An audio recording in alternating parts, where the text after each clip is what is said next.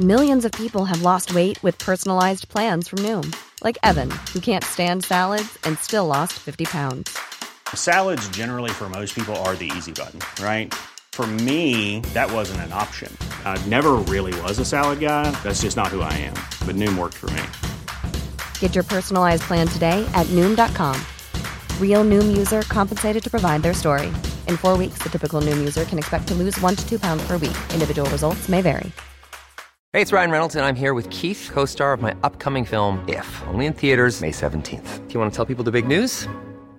All right, I'll do it. Sign up now and you'll get unlimited for $15 a month and six months of Paramount Plus Essential Plan on us. Mintmobile.com slash switch. Upfront payment of $45 equivalent to $15 per month. Unlimited over 40 gigabytes per month. Face lower speeds. Videos at 480p. Active Mint customers by 531.24 get six months of Paramount Plus Essential Plan. Auto renews after six months. Offer ends May 31st, 2024. Separate Paramount Plus registration required. Terms and conditions apply if rated PG. Wow. Nice. Yeah. What you're hearing are the sounds of people everywhere putting on Bombas socks, underwear, and t-shirts made from absurdly soft materials that feel like plush clouds. Yeah, that plush. And the best part? For every item you purchase, Bombas donates another to someone facing homelessness. Bombas. Big comfort for everyone. Go to bombas.com slash ACAST and use code ACAST for 20% off your first purchase. That's bombas.com slash ACAST. Code ACAST.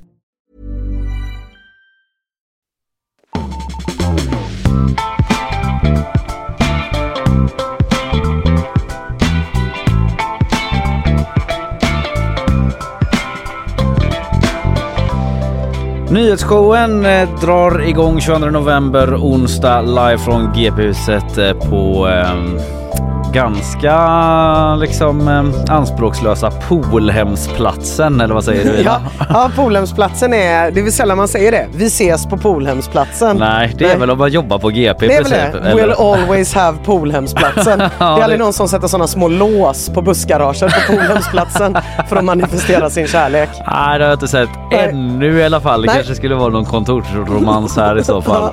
Du, eh, idag ska jag prata om eh, Ulf Kristerssons AV på Pustervik igår. Ja, Där han knappt fick en syl i vädret.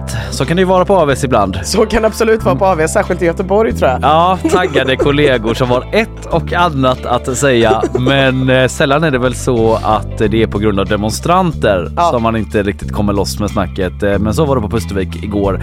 Sen ska jag också prata lite senare om, eh, om att regeringen och SD går vidare med att utreda möjligheterna då att utvisa utlänningar på grund av ohederlig livsstil. Och eh, att eh, det kan innebära, ja det och en del andra saker, att eh, vissa personer blir statslösa. Så kan det bli. Eh, vad ska du prata om? Jag ska prata om tumul- tumultet i AI-världen de senaste dygnen som har varit. Eh, att eh, det stora företaget bakom ChatGPT, OpenAI, har det ju stormat rejält kring. Folk har sparkats i bloggposter på Teamsmöten. Microsoft är ursinniga, personalen är ursinniga. Ingen vet vad som händer. Jag vet inte heller exakt vad som händer men jag ska ändå försöka mig på en redogörelse för det händer. så det, kan jag säga. det känns som det har varit fyra nyheter om dagen hela veckan. Ja men det har det varit och ja. man fattar ju ingenting men jag ska göra ett försök. Ja, jag längtar. Sen får vi gäst. Eh, vår reporter på GP, Elin Janvik Kardell, kommer hit och vi ska snacka lite om Le Pain Français. Den klassiska kafékedjan här i stan som alla göteborgare väl känner till. Jag har ju flera ställen. Och eh, där vittnar anställda för oss på GP om att de jobbat utan lön, bland annat utan anställningsavtal. Rent ut sagt slaveri, säger en som vi pratat med. Och vi ska snacka med Elin om det här jobbet hon gjort. Vad säger Le Pen från sig själva? Sen bakvagn, Snoop Doggs PR-kupp om rökandet och Napoleon-filmens faktafel. Den har ju premiär idag. Ja, jo tack. Har du en Napoleon-Gary eller? Eh, nej men jag, jo men lite kanske. Vi kan lite ta det kanske. sen, Ja, vi kan ta det sen. Vi kan sen. ta det sen. Jag ska också faktiskt prata lite röka i bakvagnen. Eh, Cannabisboomen blev för stor. Thailand ångrar sig. Nej, nej Thailand.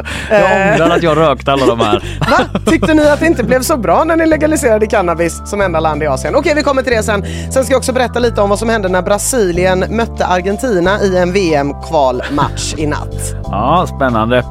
Eh, jag ska också säga det att eh, Kristina ger oss eh, nyhetssvepet idag sen och hon kommer ge oss senaste nytt om vapenvilan på fyra dagar som ska eh, hållas mellan Israel och Hamas då kombinerad med gisslanbyte eh, mot palestinska fångar från eh, Israel. Det har man kommit överens om i natt mm. efter ett maratonmöte men eh, det får vi höra mer om från Kristina senare i nyhetssvepet.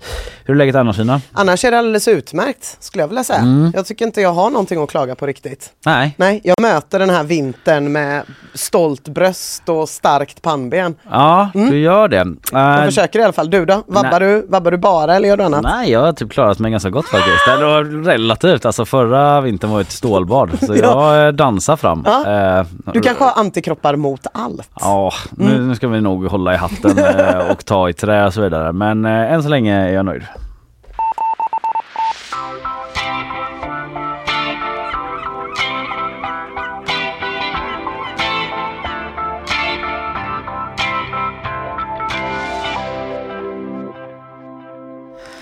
Ja, det var ju AV igår Ina på Pustervik. Mm. Inte för nyhetsshowen då. Nej. Utan för uh, Ulf Kristersson. Och eh, även finansminister Elisabeth Svantesson var ju där för att hålla då en politisk frågestund. Ett eh, samtal med publiken som var där. Intresserade politiska personer mm. bland annat. Men eh, istället så lät det ju så här.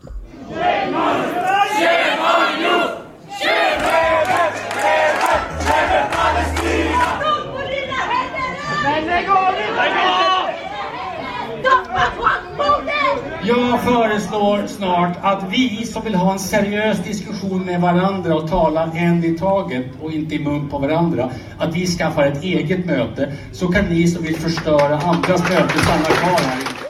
Ja, inte mm. den traditionella avstämningen riktigt.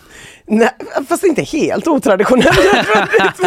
Nej, stökigt. Ja, jag eh. tyckte det var roligt att han sa möte här. För man bara, aha, är det ett möte då är det helt fel. Ja. Men är det en AV så känns det ändå som, särskilt när man hörde några som sa, men lugna er nu, men ja. tyst med dig. Då ja. kände jag ändå att jag fick en AV-stämning. Särskilt på Pustervik kanske. inte helt oväntat att kanske någon brister ut i ett Leve Palestina på Pustervik. Det känns inte heller så jättekonstigt. Eh, för i alla fall då, inne på Pustervik så blandades ju då liksom unga moderater med annat löst politiskt intresserat engagerat folk eh, men också en stor grupp demonstranter som höll igång eh, även innan mötet utanför Pustervik eh, men vissa av dem var även där inne då försedda med Palestina-sjalar och inövade slagord. Leve Palestina, bojkotta Israel och så vidare. Du har blod på dina händer, som vi hörde en ropa. Du stödjer folkmord, ropar någon annan och så vidare. Och Ulf Kristersson, han hade ändå svårt att få en syl i vädret. Mm. Han försökte. Han sa bland annat i det land jag är uppvuxen i respekterar man varandra även om man tycker olika sa Ulf Kristersson och blev avbruten. Och mm. någon lyckades till slut ställa en fråga då. Det här återges eh, ganska exakt i vår artikel på gp.se men mm. då lyckades någon fråga ändå så här varför eh, skickar Sverige vapen till Ukraina men inte till Gaza? Är barnen i Gaza inte lika mycket värda? Men eh, Kristerssons svar då liksom hackades upp av olika talkörer som mm. kallade honom hycklare. Eh, vilket står återgivet i artikeln då. Sen sa han också så här då under en stunds eh, tystnad i publiken ändå. Eh, lite dåligt ljud men jag tror det ändå man hör. Sverige och EU står enat i att fördöma Hamas.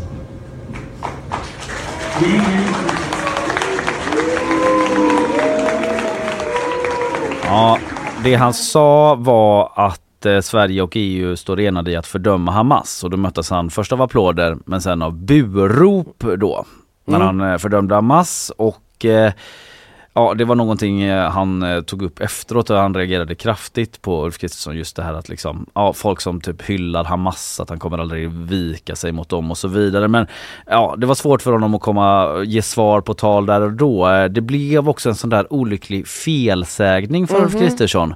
Jag vet inte om du minns när Magdalena Andersson råkade säga Jamal Hamas ah, jo, istället för Jamal El-Haj mm, mm. i riksdagsdebatten. Och det kanske är lite liknande tanke. Du vet, det är liksom en annan grej som är på tal. Ja, man ska precis. säga någonting lite längre fram och så hoppar Händer det. Hela liksom, tiden. Så det lät så här. Sverige och EU står enat i att Israel har rätt till, folk, till försvar inom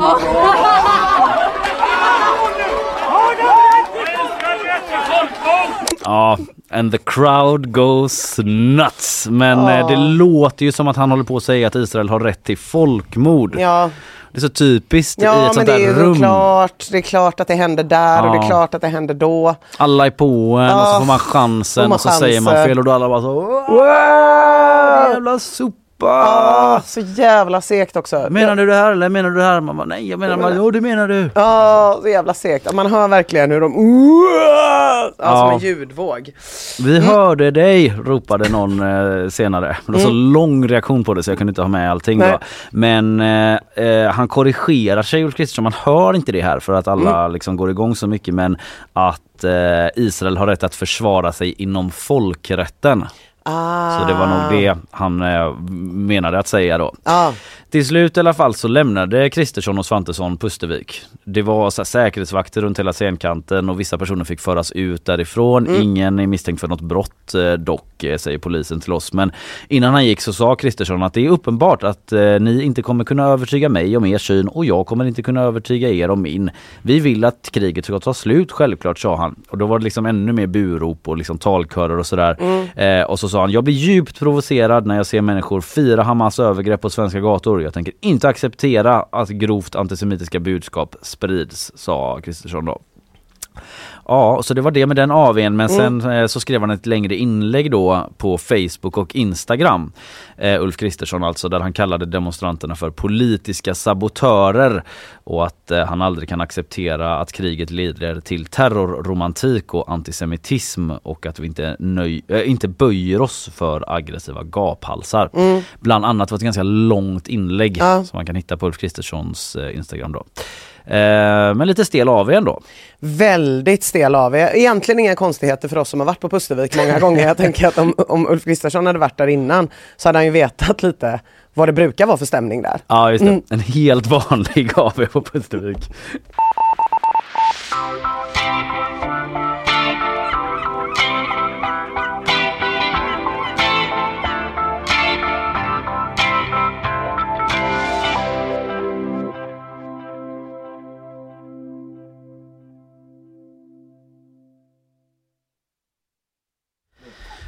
Yes, eh, vi ska ha nyhetssvep eh, med Kristina kommer vi fram till nu.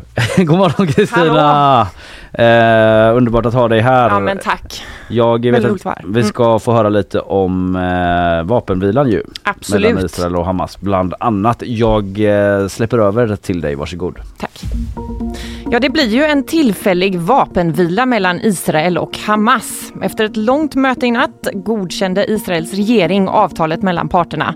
Avtalet innebär utöver vapenvila att 50 av de cirka 240 personer som Hamas tagit som gisslan kommer att släppas. Det ska då röra sig om kvinnor och barn. Och i gengäld ska 150 palestinier friges ur israeliska fängelser. Vapenvilan kommer att vara i fyra dagar och då kommer också bistånd och förnödenheter föras in i Gaza. 300 lastbilar per dag ska Israel ha godkänt. Det har varit skottlossning i Göteborg i natt. Ett hus i Rannebergen besköts vid halv femtiden med ett eller flera skott. Ingen person kom till skada men polisen rubricerar ärendet som försök till mord. Och konflikten mellan Tesla och IF Metall går om sin fjärde vecka och än finns inget slut i sikte. Åtminstone inte om man ska tro Kurt Eriksson som är medlare mellan parterna. Eriksson säger till Dagens Industri att Tesla fått order av sin VD Elon Musk att inte teckna kollektivavtal. Parterna har inte träffats alls sedan den 6 november och enligt medlaren beror detta alltså på att man sagt blankt nej till avtal från Teslas huvudkontor. That's it. Tack Kristina. Tack så mycket. Varsågod. För mig kommer Rannebergen alltid vara eh, tomtekuppen i fotboll som de arrangerade. Man såg aldrig Rannebergens fotbollslag på liksom hela året på kupperna men Nej. i tomtekuppen så vann de vartenda jävla år. Det så gjorde de va? bra på inomhusfotboll. fan. Också speciellt, eh, eh, bara för att kommentera ytterligare en eh, nyhet Kristina hade med att eh, förhandla med liksom några som inte har någon makt att säga någonting. Ja. Alltså typ att IF Metall pratar med ledningen för Tesla Sverige som, Ja. verkar, vara- som verkar vara helt i knäna då på Elon Musk som Ja, har bara sagt det. blankt nej. Ja. ja, lite svårt att komma vidare från det bara. Precis, absolut. Ah, jag trodde att det också hade en koppling till tomtekuppen. Nej, nej, nej. Du vet när alla sitter med trumfkort på hand och Ja. själv kommer. Nej, Nej, inte. det var ju lite så oväntat att Elon Musk eh, sponsrade Tomtekuppen. Ja, det var när han bara var en young South African. Eller hur? Innan alla de här grejerna. Eh, vi ska vidare i programmet här.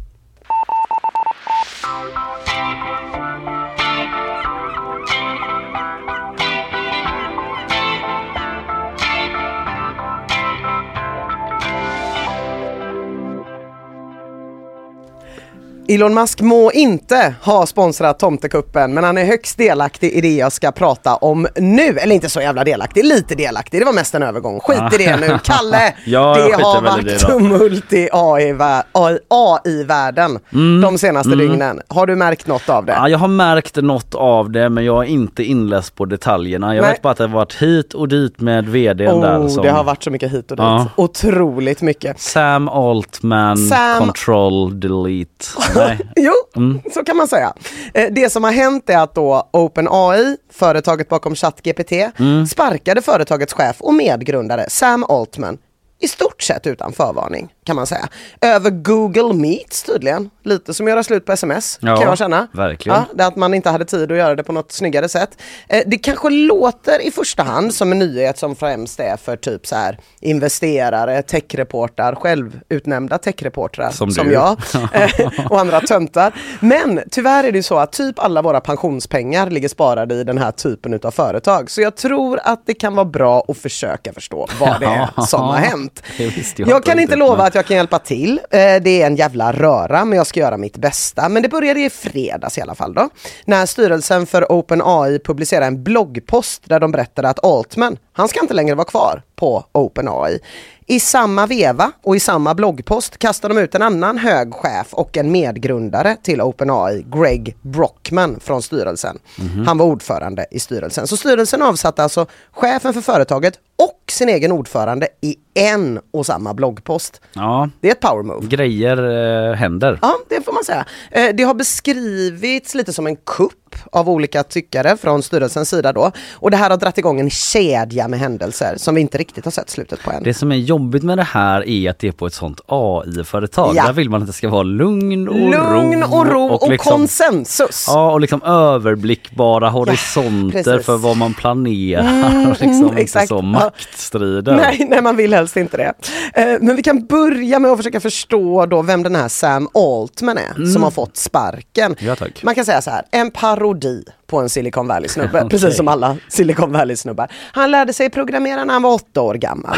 Han föredrar teknik framför människor. Han har en bunker full med vapen och antibiotika. Så att han ensam ska kunna överleva en zombie-apokalyps eller en AI apokalyps Matrix kan man säga. dystopi, ja. Jag vet inte om man älskar Ayn Rand. Jag antar det. Antagligen. Jag har inte hittat några belägg för det överhuvudtaget. I alla fall. Han var tidigare chef för Y eh, Combinator, en så här in- inkubator liksom. Det är sådana där de samlar massa folk som typ ska knäcka idéer eller ha Precis, en startups, plantskola för typ. Ja, startups mm. typ. Och där var han med och odlade fram företag som Airbnb, Dropbox, Reddit. Så ganska Mm. liksom framstående inkubator. 2015 då startade han och Brockman OpenAI ihop med ett jävla namnkunnigt gäng, bland annat Elon Musk. Mhm. Eh, nu är han ju mest känd för att vara Elon Musk då och Peter Thiel. Mm. Känd för att vara i konflikt med IF Metall Känd för att vara i framförallt. konflikt med IF Metall och inte ha sponsrat tom- Tomtekuppen. Ja.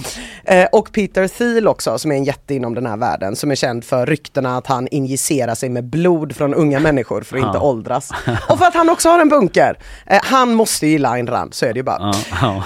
2015 då, när det startades, så var OpenAI ett icke vinstdrivande forskningslabb. De har till och med så här att de varnade potentiella investerare som ville sätta in pengar att så här, ja, se det mer som donationer. Liksom. Ge oss pengarna men vi bestämmer. För, för deras mål det var att utveckla digital intelligens i den riktning som mest sannolikt gynnar mänskligheten i stort. Ja. Och det här tycker man lät rätt jävla gött liksom. Fan, det är väl så AI ska utvecklas. Elon Musk som var en jättestor investerare eller donator beroende på hur man vill se det i det här Mm. projektet. Hade året innan bara varnat för att AI var mänsklighetens största existentiella hot. Så folk kände liksom det här är lite tryggt. Ja. Att det här forskningsprojektet styrs av folk som är lite AI-skeptiska. Ansvarsfulla bunkerkillar liksom. Precis, de säger att de förstår farorna med Mm. det. Det är lite oklart varför, kanske för att de har läst svinmycket science fiction när de var små, men de säger Ja. att de förstår farorna i alla fall. Eh, men det känns ju inte skönt, såklart, precis som du säger, att de allihopa har bunkrar. Eh, det är lite osnyggt att ha en plats att gömma sig i när världen går åt helvete och samtidigt vara med och bestämma jättemycket över vad som händer i världen. Ja för de gömmer sig under jord och Elon Musk drar till Mars typ. Exakt, och så står vi kvar. Han bara ah. Men det var ju så roligt att skriva på ChatGPT! Men efter några år då lämnade Elon Musk OpenAI av skäl som han inte riktigt har sagt, vilket är ganska ovanligt för honom. ja. Eh, tog med sig sina pengar. Och för att ha råd att fortsätta utveckla AI då, som är svindyrt, så startade det här icke vinstdrivande företaget ett dotterbolag som också heter OpenAI, väldigt förvirrande. Och de är vinstdrivande i alla fall. Jaha. Lite stökigt, men man kan säga så här, forskningen hanteras av moderbolaget, dotterbolaget gör säljbara produkter baserat på den forskningen. Den mest kända av de produkterna är ju ChatGPT. Då är vi framme i modern tid, vi kommer alla ihåg när ChatGPT kom tidigare i år. Det var ett par jävligt tråkiga nyhetsveckor, man kan säga att greppet, vi kan väl se vad ChatGPT har att säga om ChatGPT, har använts lite väl många gånger. Ja verkligen. Men det är Ja. inte bara lata techreportrar som älskar ChatGPT, utan typ alla älskar ChatGPT. Det finns en mätning som visar att av alla Fortune 500-företag, de största företagen då, eh, använder, i USA använder sig 92% av ChatGPT på olika sätt. Jag försökte ju använda ChatGPT till Ja. att göra fredagsquizet här lite Mm. grann. Eh, Men jag tyckte inte riktigt att eh, ChatGPT svarade upp mot Du mina krav det? på hur ett bra quiz ska vara. Nej, jag tycker inte AI-utvecklaren är framme. Vi Den har inte nått ikapp mig liksom.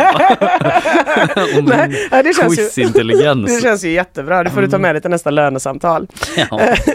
Eh, Men dessutom så är det ju inte bara de här företagen utan väldigt många andra människor typ som har använt det för att liksom slippa skriva tråkiga mail, Ja. för att göra mötessammanfattningar som ändå ingen läser liksom.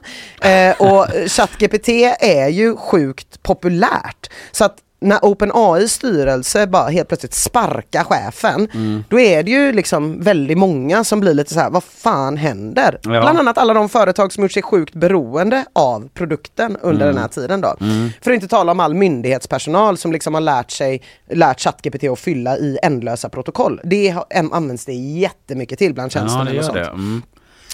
Mm. Så att eh, folk var väldigt oroade och allra mest oroade kanske Microsoft var, för de äger 49% av OpenAI Mhm. och har kastat pengar på det här företaget. Mm. Deras sökmotor Bing bygger på ChatGPT. Så så fort nyheten kom att Altman fick sparken, då bara rasade ju Microsofts aktie i värde. De kämpar på med Bing ändå. De kämpar på med Bing och Bing har ju inkorporerat ChatGPT så det är ju Mm. inte alls omöjligt att vi kommer börja prata om att binga igen. Det är Nej. inte alls omöjligt skulle jag säga. Eh, och, men, så Microsoft blir ju rätt sura när de bara säger väger 49% av det här, vad fan gör ni? Våran aktie går åt helvete. Men jag tror att de blev allra surast för att OpenAI väntade med att höra av sig till Microsoft som äger 49% av OpenAI Mm. tills en minut innan de publicerade bloggposten. Vadå, vi sa ju att vi skulle göra det. en minut är så jävla kort förvarning. Men lite kingigt kanske.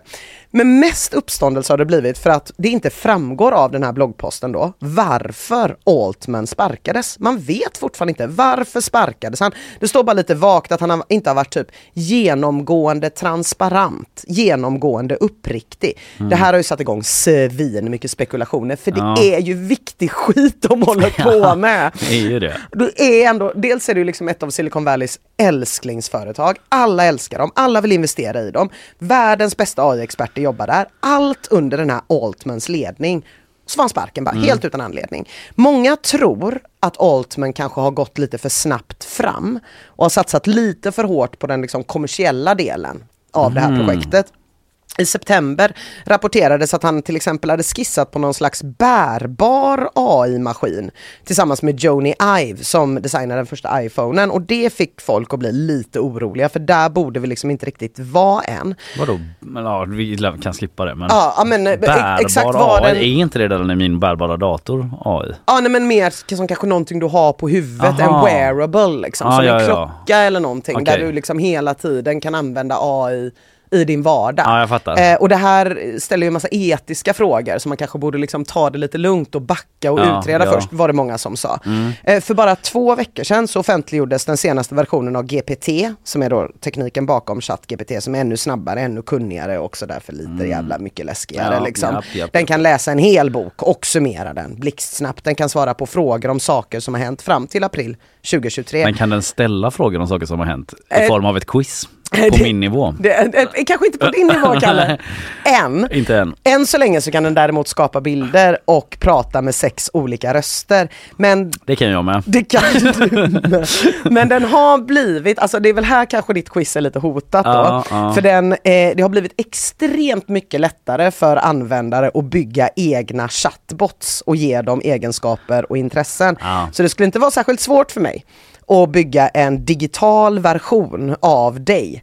Helt utan att kunna programmera liksom. Och sen kanske lansera en app Mm. där jag säljer då eh, virtuella Kalle Berg till folk som vill chatta med Mm. Ja. Kalle Berg. Och det är nog bara en tidsfråga innan den här chattbotten skulle kunna prata med din röst. Ja. Jag kommer inte skapa en sån, jag vill vara väldigt tydlig så att folk inte blir ledsna och oroade. Men den här liksom svinsnabba utvecklingen och de här framstegen eh, kanske var ett skäl till att styrelsen kände att det var dags att göra sig av med Altman. Kanske att han liksom var för framgångsrik. Det här lät inte som den här långsamma och ansvarsfulla utvecklingen av AI som man var beredd på, alltså det, den man Nej, var sugen på. det man hade liksom. tänkt sig. Och så dessutom då, han har en jävla bunker. Det känns inte bra i magen. Okej, vi är nu kvar i fredags. Det har hänt jättemycket sedan dess. Jag får dra på lite här. Mm. OpenAI styrelse har alltså avsatt då Sam Altman och då bestämmer sig Greg eh, Brockman som var styrelseordförande som blev av med den posten att han ska fan också säga upp sig. Mm, då. okej. Microsoft som äger 49% av OpenAI går emot styrelsen och säger så här Altman, nej nej nej, han ska sitta kvar. Styrelsen bara, eh, det bestämmer inte ni. Och det är sant, Microsoft har inget att säga till om. Men under helgen så bubblade ett jävla missnöje bland de 770 anställda på OpenAI. Och i måndags skriver 700 av dem på ett brev som säger att de tänker sluta om inte Altman kommer tillbaka. Mm.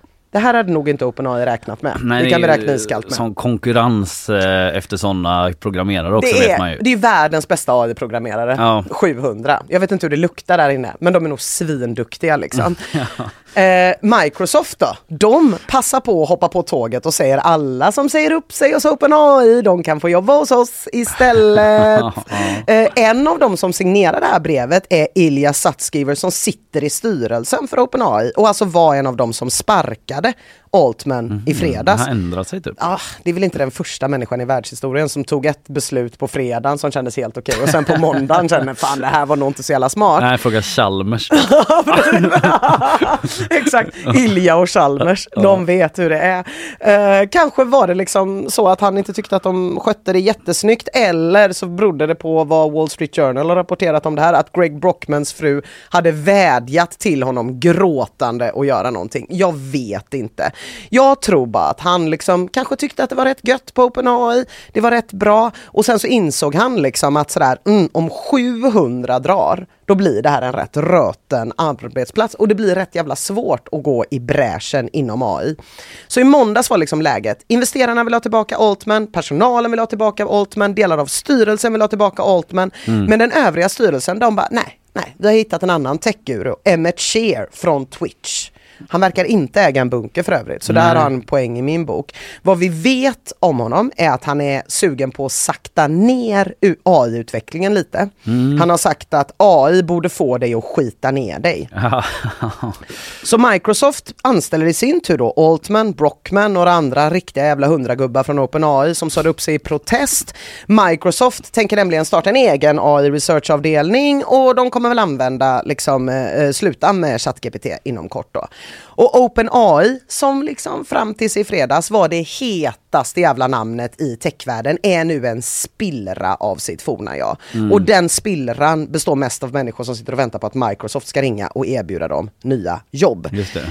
Men igår kväll, då rapporterade Bloomberg att den nya chefen då, Emmett Shear, som kom från Twitch, han kommer avgå om han inte får reda på varför Altman fick sparken.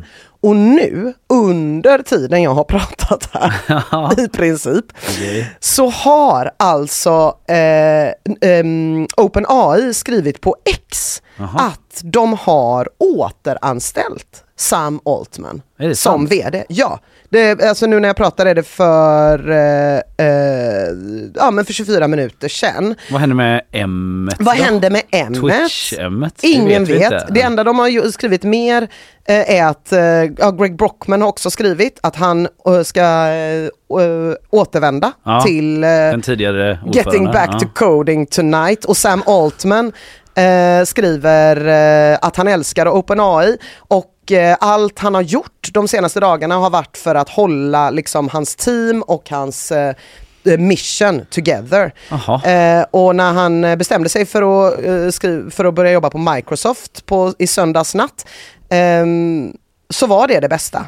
Men eh, nu så ska det bli toppen och fortsätta med, på OpenAI med våran starka, vårt starka partnership med Microsoft. Det, Ja, det- är väldigt oklart Det vad det är som kapslar ju händer. ändå in att det har varit en intensiv vecka det där. Det har varit en intensiv I vecka. söndags var det helt rätt, men nu är det här helt Det rätt. det här helt rätt. Och jag skulle bara så himla gärna fortfarande vilja veta det som den här då nya vdn som eh, blev anställd som kom från Twitch, Emmet, Ja. frågade också varför blev han avsatt från första början? För det, någonstans är det det som jag tycker är det besvärande här. Mm. Att någon blir avsatt som verkar driva på AI-utvecklingen snabbare än vad han har sagt att han vill göra från början. Ja. Eh, för att han inte har varit tillräckligt transparent. Nej. Och vi kanske liksom aldrig riktigt får veta varför. Det enda vi vet är att han har en jävla bunker. ja, och nu är han tillbaka och Ja. den här liksom nördbroms-twitchan Ja, är eh, ute. han liksom. är borta Ja. och jag tror att alla, eventu- om, om konflikten består av det, Ja. så tror jag ändå att alla som har velat dra på handbromsen på Mm. OpenAI och varit såhär, vi måste lugna ner Sam, Sam Mm. is getting out of control. De kommer nog inte ha så mycket att säga till om den närmsta tiden.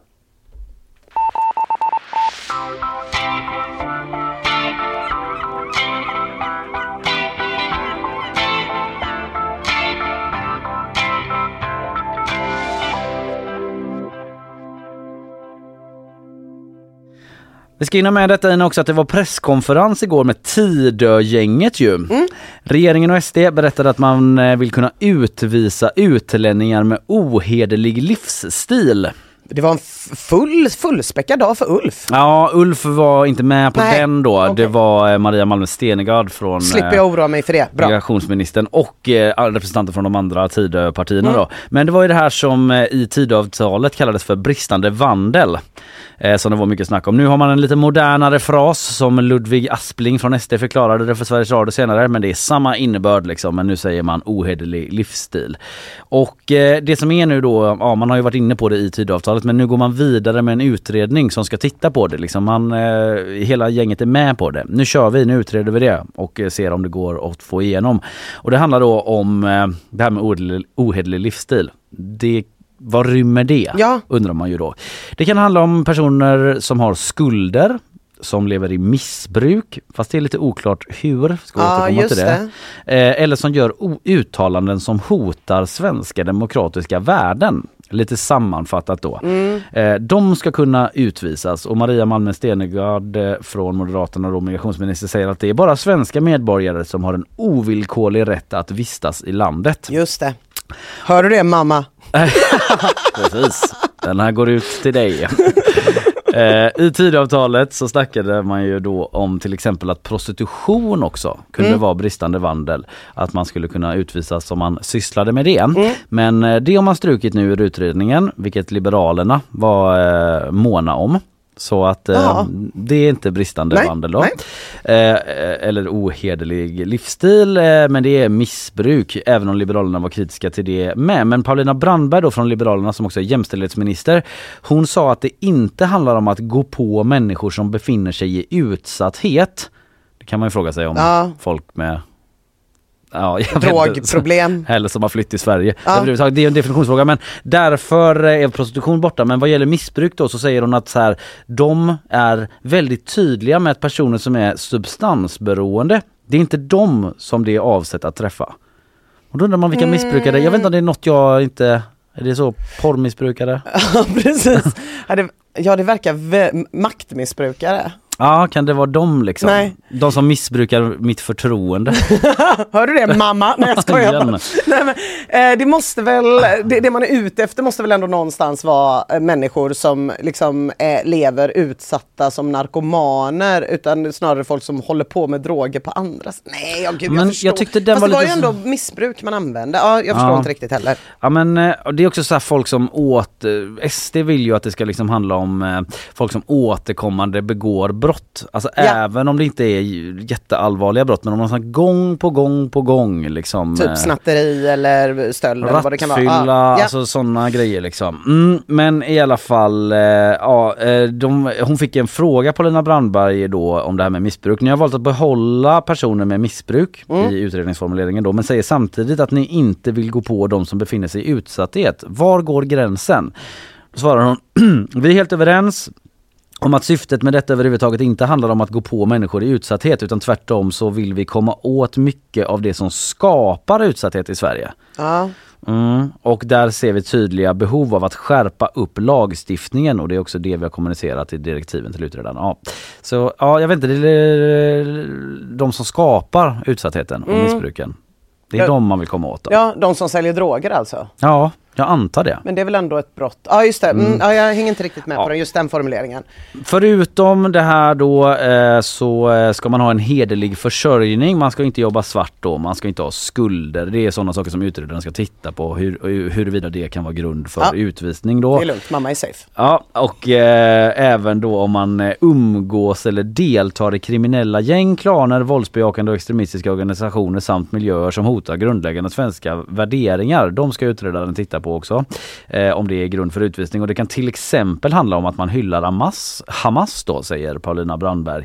Eh, jag tycker det är absolut rimligt och befogat att fråga sig vilka yttranden som är förenliga med våra grundläggande svenska värderingar, säger hon då. Här pratade man väl också om människor som har deltagit i de här, eh, liksom den här konspirationen kring socialtjänsten. Ja, har jag för mig. om Eh, LVU och ja, det där. precis, mm. LVU-kampanjen. Mm. Det var debatt mellan Märta Stenevi igår och eh, Ludvig Aspling heter han väl från Sverigedemokraterna i Studio 1 och där pratade de om det liksom att eh, eh, Märta Stenevi var så här, ja alltså de som driver på ligger bakom LVU-kampanjen. Där kan de köpa liksom att Mm. det kan vara grund för utvisning men om man liksom typ tror på den Ja just sådär, det. då Mm. kanske det är en annan sak. Eller liksom står och demonstrerar mot någonting som är en konspirationsteori som man själv liksom inte har skapat. Nej. Då tycker de inte att man ska kunna ut, utvisas för det då. Nej. Eh, men det är fortfarande då en utredning så eh, när jag tycker att vissa saker är oklart som det här Mm. med missbruk så kanske det kommer falla på plats då när utredaren har fått eh, titta på Mm. det. Men eh, den andra nyheten som kom igår då också var att regeringen backar SD med förslaget om att utreda Eh, om att eh, göra personer statslösa som begår allvarliga brott. Då. Mm. För att om man blir av med sitt medborgarskap och ska utvisas eh, och liksom inte har ett annat medborgarskap, då blir man ju statslös. Eh, och det kan gälla då folk som begår allvarliga brott och är invandrare. Då kan man liksom rycka medborgarskapet för dem och man blir eh, statslös. Och eh, Gunnar Strömmer, justitieministern, moderaten, sa till oss på GP då att det handlar om väldigt allvarliga brott eller brott som är systemhotande.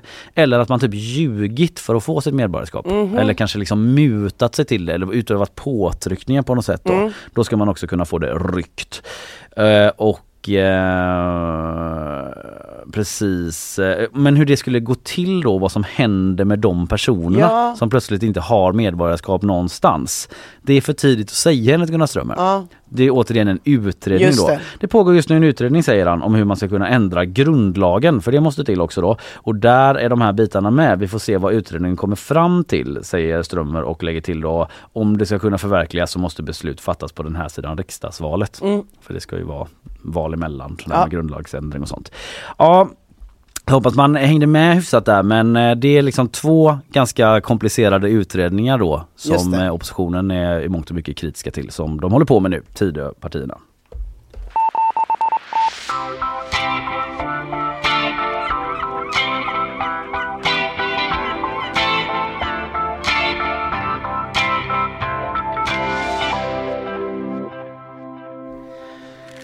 Vi ska snacka om ett jobb på eh, GP som vår kollega Elin Jönvik Kardell har gjort nu här alldeles strax. Eh, det handlar om Le Pain Français, den här eh, kafékedjan då. Som alla göteborgare är väl bekanta med skulle jag tro. Mm. det tror jag. Den har ju flera locations här i stan Mm. och eh, har funnits länge och sådär. Men eh, nu så vittnar anställda som vi har pratat med på GP då om att de arbetat utan lön och inte, inte heller med anställningsavtal bland annat då. Och ja, Elin kommer om en liten stund så häng kvar. Nyhetsshowen 22 november, eh, Ina Lundström, eh, Kalle Berg och nu ska vi prata om en eh, artikel, en granskning som publicerats nyligen här på GP om Le Pen Français. Jag läser ur ingressen. Skattemiljoner och arbetskraft flödar in från Arbetsförmedlingen. Samtidigt vittnar tidigare personal om arbete utan lön och avsaknad av anställningsavtal på Le Pen Français-koncernens kaféer i Göteborg. Rent ut sagt slaveri säger en man som arbetat för företaget utan lön då. Och med oss nu för att prata om eh, den här granskningen är en av reportrarna bakom jobbet. Eh, god morgon Elin Janvik Kardell. Oh, vänta, där har du en mikrofon också. Ja, god morgon. Hej Elin, hej! Du har gjort det här jobbet med Valdemar Lönnroth eh, Ja, ska precis. jag säga också. Du, eh, till att börja med om man ska förklara bara vilka det är ni har granskat, Le Pen Français. Vad är det för bolag för de som kanske inte är från eh, Göteborg eller har järnkoll? Ja, jag skulle precis säga det. De som är ifrån Göteborg har nog ganska bra koll för de har ju kaféer och restauranger då i hela eh, stan. Väldigt tätt i innerstan framförallt. Och jag Mm. tror att många ehm, som har varit här och turistat och gått runt även har sett deras ställen. Ehm, Det är ett klassiskt inslag i stadsbilden skulle Ja jag exakt, men det är liksom mig till att en, säga. eh, ja, en klassisk Göteborgskedja. Liksom. Ja. Ehm, det är egentligen eh, tre bolag i koncernen då eh, med restauranger och kaféer. Ehm, de här klassiska Le Pen kaféerna, restaurangerna som man ser med den loggan. Mm. Lite såhär sammetsinredning, mycket mässing, lite som liksom Kristallkronor kristallkronor. typ. Ja. Eh, och så vidare. Och sen har de ju, eh, och de här är- ingår då i eh, ett bolag eh, som är eh, åtta stycken. Sen är det två stycken ytterligare bolag och då har man Metropolitan som ligger på Centralen som kanske har en lite en annan profil, fortfarande lite pompa och ståt men lite mer det här resetemat. Liksom. Mm. Och sen även Brasserie då som eh, också ligger i stan som eh, är också ett eget bolag. Så det är tre olika bolag. Mm. Eh, där två är lite mer kanske fokuserade på kvällsrestaurang, eh, ja, lite mer den feelingen och sen så lite mer kafédelen. Då. Och det här eh, spelar roll för det är lite, de har lite olika avtal och på olika sätt eh, sådär. Men det, kan, Ja, det återkommer vi nog exakt. till. Och vilka restauranger är det som eh, eran granskning gäller? Det gäller egentligen alla för att de använder ju, eh, de, de anställer i kanske ett bolag men de får ändå, många jobbar ändå i alla bolag. Så, Mm. så att eh, sen så eh, har de ju de här då separata eh, Brasserie och Metropolitan är ju som sagt lite profilerade på ett annat sätt. Man kanske inte riktigt kopplar dem på samma sätt till Le Pen. Nej. Men ja, Mm. granskningen gäller hela koncernen. Liksom. Och vilka är det som äger den här koncernen då? Ja, det är då sedan 2003 Marcus och Monir Samuelsson tillsammans med Samuel Samuelsson tidigare. Eh, Samuel bröderna Samuelsson. Ja, men just det. Men Och Marcus sen- Samuelsson är inte han Sveriges mästerkock. Exakt, det är kocken. inte kocken från Partille som...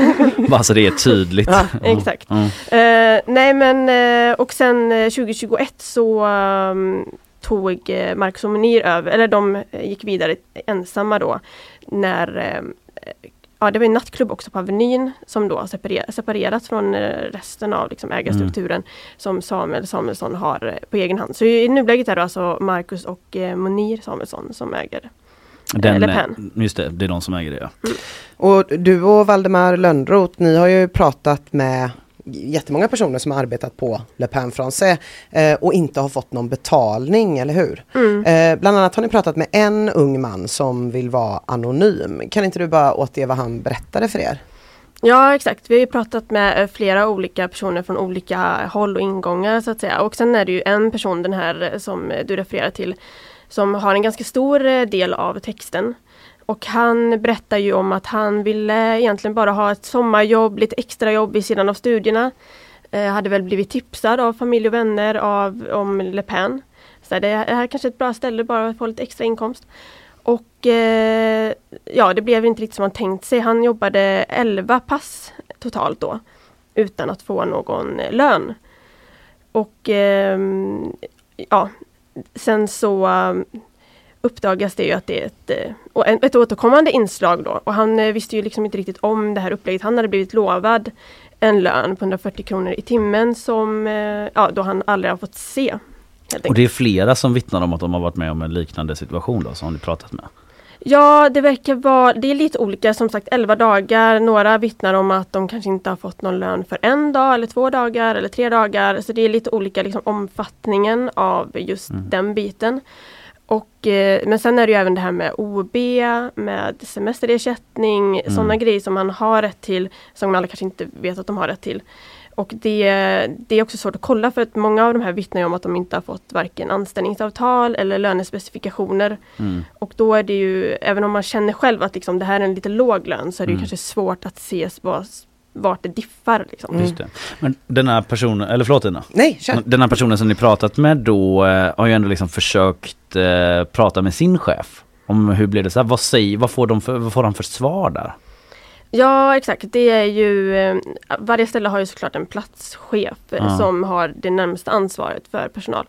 Och eh, det, ja, det är lite flyktiga svar kan man väl säga men i grund och botten så är det ju mer att eh, den här personen då säger ju att jag har jobbat här 11 dagar, jag ska ha betalt för dem. Jag kommer sluta nu men jag vill ha betalt för den tiden jag har varit här och arbetat. Eh, och platschefen är mer så här Nej men du har bara varit här och eh, lärt upp dig. Mm. Eh, du har ehm, inte arbetat här på riktigt utan du har bara varit här och lärt dig och då får man ingen lön utan det får man sen då om man blir en del av den ordinarie arbetsstyrkan eh, så att säga. Mm. Och det här var från en ljudupptagning också va, som han spelade in med platschefen. Ja exakt, den här personen eh, spelade, han, han skulle gå, eller hade fått nog då av eh, att inte få ut sina pengar så valde han att eh, gå till eh, den här, det här stället, eh, specifika stället då och lämna in sina arbetskläder. Och då konfronterar han ju även den här platschefen kring att så här, nu kommer jag sluta men jag ska ha betalt för mina el- 11 pass. Och då spelar han då in det här samtalet och där ser ju platschefen rätt ut att du kommer inte få en krona av Le Pen. Eh, Du har varit här och burit disk och liksom hjälpt till att plocka undan men du kommer inte få någon lön för vi är inte nöjda med det arbete du har utfört. Får man göra så rent arbetsrättsligt? Alltså säga att du får ingen lön när du är under upplärning?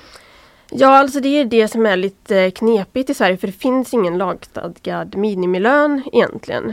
Ehm, utan det är ju liksom upp till kollektivavtalen att eh, sätta den eh, standarden. Och i ett av de här bolagen, det stora bolaget med de här åtta kaféerna, Ja. eh, där finns det ett kollektivavtal. Men i de andra två separata, där finns det inga kollektivavtal.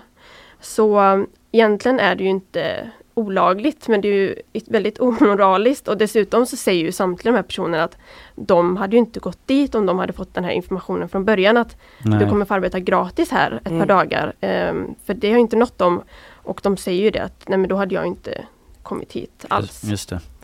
Han, han pratade med en av ägarna också, den här eh, personen som eh, inte fick betalt för sina 11 dagar. Eh, en av ägarna i alla fall, Marcus Samuelsson, eh, var, eh, och spelade in det samtalet. Exakt. Ja. Ja precis som med platschefen då så spelade han in samtalet och då ringde han Marcus och eh, konfronterade honom lite så här. Eh, tycker ni verkligen att folk i erat, eh, i den här liksom koncernen eh, på era restauranger och kaféer ska arbeta gratis? Är det någonting som ni står bakom? Eh, platschefen tänker inte ge mig betalt. Han säger det här och det här och det här. Jag har blivit lovad det här. Mm. Ehm, och då reagerar väl Marcus Samuelsson med att så här, nej men det beror på vad ni har för avtal. Jag kan inte ta din sida. Att bara för att man jobbar betyder inte det att man får betalt. Eh, det liksom hänger inte, det går inte hand i hand utan det är ju, beror ju på vad man har för, för avtal helt enkelt. Vad man kommit överens om. Ja exakt Mm. och eh, där skiljer ju sig historierna åt lite. Eller den här personen säger ju att de har kommit överens om en lön och ehm, ja, Mm. det är ju där det går lite. Isär. Ja. Men eh, ja, ni har ju då som sagt pratat med eh, flera personer som har arbetat på Le Pen Français och har liksom eh, angränsande historier, liknande historier. Vad, ser ni något mönster i alla de här berättelserna? Ja, för det första så tänker jag att det är viktigt att veta att alla de som har pratat med har ju arbetat där under 2023.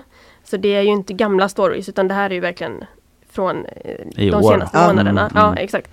Och eh, nej men de gemensamma nämnarna är ju just att man har jobbat i någon mån gratis. Och det, på den inspelningen med platschefen som vi pratade om, där säger han ju rätt ut också att men alla jobbar gratis. De två, tre första passen innan vi ser att så här, du funkar här. Mm.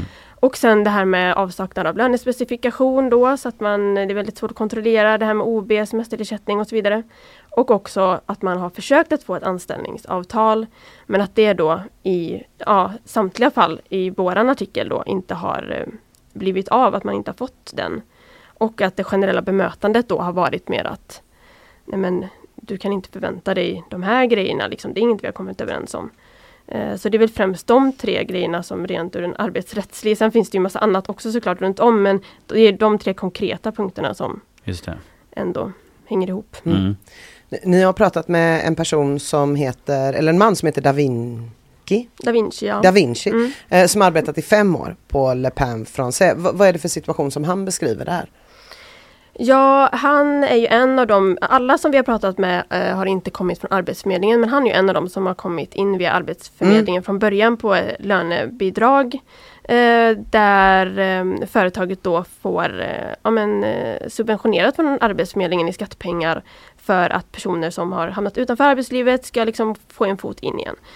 Och han beskriver ju också det här med gratis, mycket gratis arbete, att han har blivit om, ja, väldigt långa pass. Eh, även att man har jobbat på väldigt många olika ställen mellan de här olika bolagen, vilket man inte heller ska göra egentligen. Mm. Så eh, hans situation är ganska liknande många av de andra, men han har ju stannat där väldigt länge. Och det har väl mycket med att göra också att man när man kommer ifrån det, det hållet så är man eh, Det kanske inte är lika självklart att man känner att man kommer få ett annat jobb. Nej just det. Nej. Och det är också en del i den här granskningen då som handlar om arbetsförmedlingen och folk som arbetstränar och sådär. Eh, sen slutet av förra året, 2022, så har 55 personer varit inne på Le Pen Français-koncernen genom olika åtgärder eh, från Arbetsförmedlingen. Och det handlar liksom om arbetsträning och sådär, eller att man ska få in en fot på arbetsmarknaden. Eh, och då betalar Arbetsförmedlingen en del av lönen, visst är det så? Ja precis. Och men liksom ni har då genom vittnesmål fått höra att man eh, typ lite grann utnyttjar det från eh, Le Pen Français. Hur då? Ja, alltså det finns eh, jättemånga olika slags eh, anställningar som man kan få via, eller praktikplats och så vidare, som man kan få via Arbetsförmedlingen då Mm. beroende på vilken situation man befinner sig i. Och eh, då betalar ofta då Arbetsförmedlingen en viss summa av ens lön. Det kan vara upp till 80-90% av lönen. Eh, så de kan stå för 20 000 i månaden ungefär av Ah, en okej. persons lön och Billig arbetskraft för Ja företaget. exakt och Ja. företaget kanske står för några tusen då. Och eh, tanken är ju såklart att de här personerna ska få en, fast, alltså ett, rikt- en fastanställning sen, en vanligt jobb, Mm. när de har kommit in i det. Men det vi har sett är ju att det är många som är inne kortare perioder och lämnar, alltså det är stor ruljans. Det är de, de som har pratat med specifikt berättar ju att trots, för om man har de här, om man får bidragen från de här personerna så kan ju de ofta inte utföra ett arbete precis som en vanlig anställd utan det finns olika omständigheter som gör att man får Mm. arbeta på ett lite annorlunda sätt. Men de vittnar ju om att de har gjort exakt samma som en vanlig anställd. Just det. Men då har liksom Le Pen betalat kanske ett par tusen lappar för deras lön istället för en Mm. fullgod lön. Och det blir inte riktigt arbetsträning på det sättet då utan Nej, och att personer um, alltså uppmuntras att liksom försöka fortsätta få de här bidragen då istället för att avvecklas ifrån bidragen Ah, och komma okej. in och få en anställning utan att de snarare uppmuntras att men nu får ni gå till Arbetsförmedlingen och försöka fixa ett nytt bidrag. Eh, så. Men, men vad säger Arbetsförmedlingen om det då? Det kan de inte vara så nöjda med. Nej, alltså, eller det finns ju ett, eh, man ska inte snedvrida konkurrensen för ett sånt här scenario kan ju snedvrida en konkurrens när Mm. ett företag har så många anställda inne på och har så lite utgifter för dem. Så Mm, att säga. mm. Ehm, och eh, Arbetsförmedlingen säger ju att eh, så, så ska det inte vara men de anser inte att de kan inte se att något fel har begåtts just här för att de säger att ja, men i de enskilda ärendena så se, ser vi att det har gått rätt till. Det finns inget maxtak för hur många man får ta in. Men som sagt, ehm, meningen är ju att de ska komma in och få en eh, och om man kan jobba full, eh, liksom gott Mm. så ska man ju ha en vanlig anställning Mm. också. Ja. Men det finns inget maxtak och de vill att De menar väl att det är jättebra att de här personerna kommer ut i arbetslivet. ja. Men eh, ja. Mm. Det är lite Och sen så vill de ju Mm. inte uttala sig i enskilda Nej. ärenden såklart Nej. som alla. Nej. Mm. Men en annan aktör då i sådana här sammanhang är ju facket och ni har snackat med hotell och restaurang. Eh, vad säger de om hela situationen? Ja, de är ju lite mer, ehm, ja, de eh, säger lite mer, eller de är lite mer kritiska Mm. öppet så att säga. Men de menar ju att, att för det första att de inte har kollektivavtal då på alla sina ställen och om man inte har det så ska man ju ha eh, villkor som ändå går att jämföra med ett kollektivavtal. Men de tycker ju att eh, ja, men det är slavarbete att jobba gratis. Det gör man liksom inte i Sverige år 2023 oavsett om det är eh, Med en någon upplärning. överenskommelse eller Nej, inte? Liksom. utan det, ska man liksom, det ska man inte göra. Och eh, sen är de ju mer inne på det här spåret att den här konkurrensen snedvreds när man eh, gör så här att man tar in så pass mycket folk på lönebidrag. Just det. Så de är ju mer att de uppmuntrar folk att eh, gå med i facket och det är kanske också en grej att många av de här personerna inte vet sina rättigheter för de blir ju utnyttjade. De vet kanske inte om att så här, jag ska ha semesterersättning och så och de Mm. inte heller med i facket så de är mer så här, ja, men om vi kan mobilisera oss så är det lättare för oss att förändra. Mm. Så. Just det. Och till sist då, vad säger Le Pen Français? Jag har ju läst artikeln, det har ju inte varit helt lätt att nå fram där. Det har skickats brev och, och liksom fysiskt och ringts och allt möjligt. Hur har det gått att få svar från dem?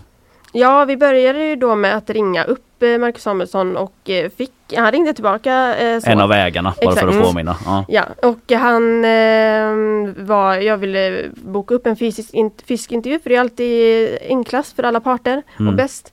Och han sa, jag får återkomma, jag måste liksom kolla mina, hur jag jobbar med familjen och allting. Jag skickade ett mail med en kort sammanfattning vad det här kommer handla om. Sen så gick det flera dagar utan svar. Vi ringde, smsade, mejlade. Eh, vi mejlade alla frågor, alltså alla punkter egentligen som vi ville ge dem chansen att bemöta. All, Mm. all kritik som framförs, Mm. alla frågor vi har. Ehm, och en deadline helt enkelt för jag kan inte vänta hur länge som helst. Och eh, den eh, besvarades inte heller så då gick vi helt enkelt runt då och lämnade ut eh, frågorna fysiskt på de olika restaurangerna. Mm. Och sen fick vi eh, ett mejlsvar av Marcus som är väldigt generellt. Det är inga, det är inga egentliga svar, alltså det är inga liksom, fråga-svar på våra punkter utan det är mer att han menar på att de här personerna som har pratat med oss är enskilda individer som är missnöjda och han tycker att det är tråkigt att de inte har istället vänt sig till dem utan går till pressen. Att han menar ju på då eh, att de tar in de här personerna för att, eh, för att hjälpa dem och att det här är en eh, grej som alla kan göra. Mm. Och att Alla företag kan ja, göra liksom. att Mm. så här, det är inte deras fel att inte andra företag tar in eh, så mycket folk från Arbetsförmedlingen. Utan det är bara att de, eh, de eh, ja, han använder ju såklart inte ordet utnyttjar, men att de utnyttjar den här Mm. möjligheten. Ja, de använder sig av den Ja, möjligheten. men han Ja. menar ju såklart inte att de utnyttjar personerna utan att Nej. han, Nej. de ger dem chansen att komma in i arbetslivet Mm. helt enkelt. Just det, men generella svar alltså och inte på de specifika punkterna som ni Nej, skrev. exakt. Mm. Så det, ja. Ja, det finns eh, en eh, lång fin artikel om detta på gp.se som eh, man kan läsa om man är mer nyfiken på den här historien. Och den som har skrivit den artikeln det är ju du, Elin Janvik Kardell tillsammans med kollegan Valdemar Lönnroth då. Tusen tack Elin för att du kom hit Tack. den här morgonen. Tack så mycket. Det regnar slask över Göteborg, åtminstone gjorde det det på vägen hit i Ja. morse. Fan. Men vad gör det när man har Kristina Petersen i studion som eh, ska ge oss en nyhetsuppdatering? Känner, känner du att det blev mycket, mycket på dina axlar? Kontra Göteborgsvädret. Och, men det, jag vet liksom att du har med dig liksom tråkiga, eller jag är inte säker på att det är tråkiga nyheter för jag vet inte riktigt beskedet men liksom det är ett ämne som får mig alltid illa till mods men jag ska försöka hålla en professionell eh, Ja. eh, inställning till det och det där med Det- räntor och så. Ja, det är svenskens eh, nya största snackis efter vädret skulle jag Ja, absolut. Ja, men det är säga. det liksom. verkligen. Vilken grej! Jag vill ändå säga att det, det är lite skillnad här mellan de som hyr och de som äger bostad. Ja, Vill Helt säga. klart. ja, visst. Vi- Vissa av oss är ändå lite mer så att vi ser det mer som en vågmaskin på ett, eh, på Ja. ett sånt badhus. Att man är så wow, oj oj oj. Åker Men det är ändå mest på skoj. Ja. Men jag förstår ju att det inte Mm. är så för alla. Jag kollade det i en siffra, jag fick en siffra här nu när jag, innan jag gick in att 65 procent av eh, svenska hushåll äger sina Det är så? Mm. bostäder och Jaha. 80% av dem har bolån. Ja, Det är ju de då. det är en Som, stor grupp berörs människor. framförallt av det är fler än vad som är utomhus skulle jag säga. ja faktiskt, som berörs av slaska. Ja. ja, vad är senaste Ja, vad är nytt det jag ska då? säga? Det är att eh, Riksbanken ska fatta nytt beslut om styrräntan idag. De Mhm. sätter sig och möts kring Mm. detta. Eh, och hur ska det gå? Det är ju fasen det man undrar. Va? Ja, verkligen. Ska de fortsätta höja? Ja, eller är räntetoppen nådd? Ja. Det, det är ju, eh, det, och det verkar vara något av en rysare. Eh, expertisen liksom är splittrad. Eh, lika många tror att det kommer bli en höjning till som, eh, eller, och lika många tror då att eh, den räntan lämnas oförändrad. Mm. För det är liksom en höjning med 0,25 procent eller en oförändrad ränta som är liksom de alternativen det står emellan. Det är i alla fall eh, Inte röran läge att alla. sänka räntan liksom. Det är inte där Vi är inte där och är inte där. hoppas på det. Nej, Så, precis. så mycket nej, nej men så är det nog. Mm. Där får man eh, vänta ett tag till va. Men det är inte som att folk säger unisont heller att det blir en höjning. Nej. Expertisen. Nej. Så det är ändå något att ta med dig, Ja. Kalle. Mm, ja, får jag. Nej men det är så här nämligen att de som tänker att det borde vara nog nu med räntehöjningar, de tänker då att eh, inflationen har sjunkit eh, i linje med Riksbankens prognos och dessutom så har faktiskt kronan stärkt på sistone. Se där. Bara en sån sak. Ja, Eh, den utskällda kronan som jag hörde om här. Det har faktiskt gått ganska bra nu eh, under, under hösten. Undrar om det har nått fram till alla som skäller på oss. liksom, det är som att typ de blir uppmärksamma när det går dåligt. Ja. Precis. Om snacket går så wow i andra länder. Kronan. Den, ja men det finns ändå eh, Nej, vad, vad var det jag läste här nu? Nej, men de som säger att kronan har, eller de som ger en analys då på varför eh, kronan har höjts, nämner att det finns en riskaptit i världen. Det var det Aha. ordet jag kände att jag måste komma ihåg. Jag vet inte vad liksom det riktigt betyder, men jag tyckte det lät så Riskaptit, härligt. Men att man Ja. investerar i de här, ja, Kanske- kanske, ja. någonting. Riskaptit. Ja. Kom ihåg vart jag Ja, hörde det. precis, det tyckte jag ändå var ett Vart härligt jag ord. hörde det först, men du någon annanstans. Mm. Precis. Ja, vad var det mer jag skulle säga? Jo men det var ju de, de som tänker att det ska vara, att det ändå blir en höjning på nytt. De är inne på att det skulle stärka kronan ytterligare. Och att det ju faktiskt är så att vi fortfarande har en hög inflation så då kan det vara lite, lite bra ändå att faktiskt höja en gång till. Kan vara lite bra, det kan jag trösta med. Kan vara lite bra också. Ja precis, det kan vara lite bra ändå. Ja, precis. här, när man har sån diskussion hemma, typ, kanske, kan, du kanske kan fixa disken idag. Jag har redan Mm. gjort rätt mycket bra idag. Ja.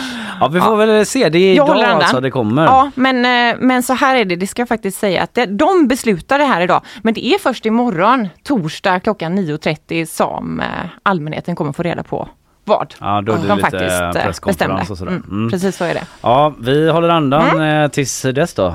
Tack jag göra Kristina. Tack.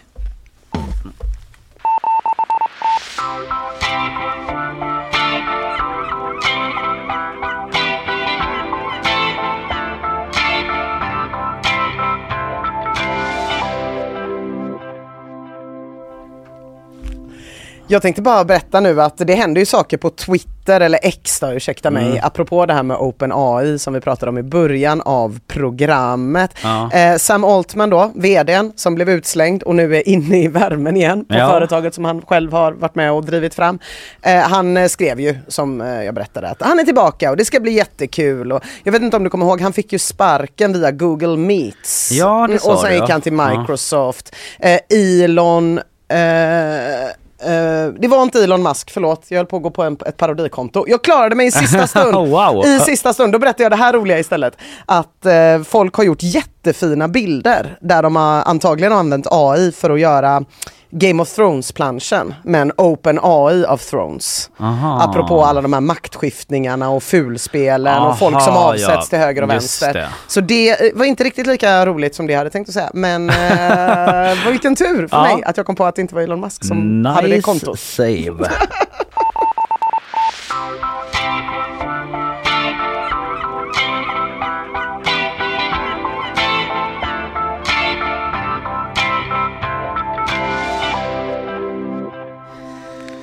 Eh, känner du till Johan Kroneman? Eh, vänta. Ja, ja, jo, han är mm, eh, recensent på DN. Precis, han Ja. skriver mycket om tv och sådär men Ja. också lite annat. Han har varit ute i spalterna nu, jag vet inte vad det har nått Jo, dig? jo, men det har du vet vad jag mig. ska prata om. Ja, jo, jag vet vad du kanske. Därför är det dags för Hanna och Ina att ta över På spåret. Läser jag i DN. Eh, och eh, Ina, henne jobbar jag med. Hanna, henne har jag jobbat med. Eh, och eh, då blir man nyfiken, vad, vad, vad känner du liksom? Är det dags nu Eh, nej, men dig att jag ta kände, jag kände när jag fick den här skickad till mig igår, Ja. så var jag så här, därför, Ja. står det i rubriken, Ja. ska Hanna och Ina eh, ta över På spåret. Eh, Då la jag in en snus. Ja, det gjorde jag. Lutade mig tillbaka. Ja, Nu ska vi, mm. nu ska vi se. Varför är jag så lämpad Du säger för att ta- därför, jag säger varför Sveriges Johan. största TV-program någonsin. Varför är jag Varför? lämplig? Ge mig gärna sju starka skäl. Det som var lite tråkigt med den här artikeln var att det kändes som att någon hade ju kommit på en bra vinklad rubrik på Ja. DN. För när man läser artikeln så handlar det ju mest om att så här, det börjar bli dags att ersätta Lok och Lindström. Det var ingen som trodde att man kunde ersätta eh, Helleberg och Oldsberg men se till slut gick ju det. Mm. Men nu börjar det bli för gammalt och det är dags för något nytt. Och sen är det liksom bara som en, en avslutning i sista stycket. Så det är klart att Ina och Hanna ska ta över. Kom ihåg vad det hörde först säger vi här. Var är mitt varför? Ah. Jag känner mig snuvad på ett varför Johan Kroneman. Smickrad men snuvad på ett varför. Ja, det- Eller rubriksättaren snarare. Ja det är verkligen en eh, spetsad rubrik där. Det är lite, lite snopet. Ja, att det är man lite inte snopet. får mer om varför ni är så bra. Kan du tänka hur snopet det var för mig? Ja, ja, men jag förstår det. Han skriver ju det som du sa där, glöm inte var ni läste det först. Vi eh, kanske läste det första men vi har ju ändå bakom din rygg pratat om det en del här. Asså? Att du skulle kunna bli någon sån ny domare tänker vi då. Ja, att du skulle kunna sitta där. Men det är ju Ja. vi som säger det och vi är ju jätte liksom eh, eh, vad säger man, bias. Ja, vi är ju jo. inte eh, opartiska Nej. i eh, målet då. Eh, men det, det har vi tänkt på. Men det skulle i så fall betyda att Hanna skulle vara programledaren. Precis. Jag vet inte riktigt om det är hennes mest naturliga att vara den straight man, liksom Nej. vart är vi på väg? Nej, kanske inte. Men det jag skulle känna väldigt starkt när jag och Hanna, nej jag bara. Mm, ja, när det sker. Det, det, det är ett, ett inslag som, eh, Lok och Lindström är ju toppen, de är Mm. svinbra, men ett inslag som jag kanske är den enda som saknar, det är ju sketcherna. Det hade de för länge. Men Alltså det var Hellberg och Ja. Oldsbergs eh, sketcher. Otroliga. Och det måste jag säga att det hade fan jag och Hanna gjort bra. Jag vill minnas, jag är inte så säker, jag är ingen riktig sån På spåret Gary, men jag vill minnas att eh, Lok och Lindström körde sketcherna i början. Ja men jag de vill har nog varit framför mig att någon har haft så. en Ture Sventon-hatt, att det har förekommit den här typen av grejer.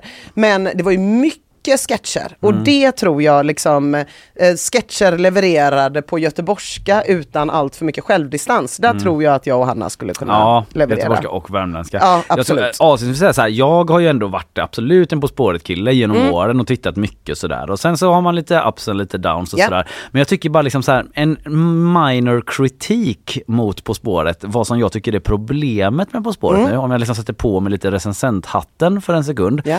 Det är ju att man nästan bara har journalister och komiker Ja. som deltagare. Så är det. Alltså jag tror att det är kanske en, möjligen två personer som inte är Mm. inom liksom tv-journalistik, underhållning i år.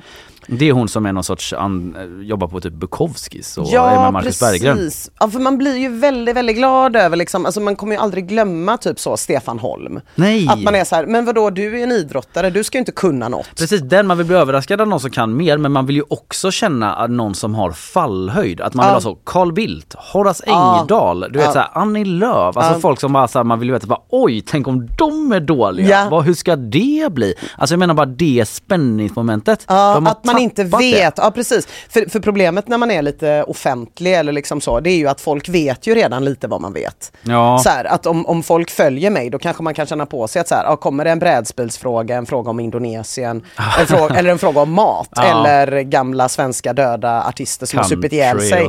Då kommer nog Ina kunna det. Men det är ju roligt om man skulle kunna gå in och bara så komma med en helt random grej. Det går ju inte om man poddar liksom 90% ja, av men sin vakna precis, folk som inte syns så himla mycket i media men Mm. som ändå alla vet vem det är. De vill man ha in för att när det är typ komiker och sådär, då är fallhöjden så låg för de är så glada gamänger som bara kan Ja. skoja bort det och liksom är jättebra på att hantera en sån situation och bara vara roliga liksom. Men det jag verkligen tycker, för jag hade faktiskt på riktigt, nu låter det här bara som att jag hade det för att göra min egen personvalskampanj och vara med På spåret, så Mm. är det faktiskt inte. Nej, utan för väldigt länge sedan redan, långt innan jag liksom på något sätt var ens en semi-offentlig person, så störde jag mig väldigt mycket på otroligt få göteborgare det var med och tävlade i På spåret. Mm. Vi hade liksom flera år där det inte var en enda göteborgare med och det kändes bara så jävla deppigt för att Mm. Oldsberg och Hellberg, Hellberg är ju kanske inte, liksom, men det var otroligt göteborgskt program. Ja. Det spelas in i Göteborg, vi har inte så många tv-program kvar, vi har inte ens debatt längre som vi ändå fick ha. Nej. Att det var så här, allt flyttar härifrån Ja. och så är det två Stockholms, stockholmare som är mer kända för liksom ironisk humor, Ja. en sån gladlynt, bredbent, det faller på ändan hälften av gångerna Ja. humor. Ehm, och så var det också bara tävlande från Stockholm, så det har jag faktiskt gått och varit ganska upprörd över och där Mm. får man ändå säga att det har ju blivit mycket bättre de senaste åren. Men det talar ju för dig att eh, det kanske ska bli en, Kanske. en göteborgare och en tjej. Kanske var det därför jag tog upp det, Kalle.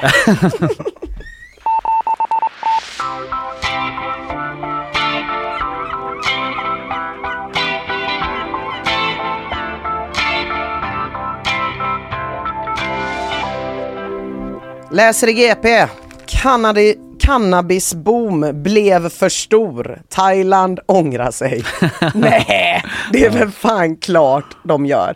Den 9 juni 2022 tog Thailand världens konstigaste beslut.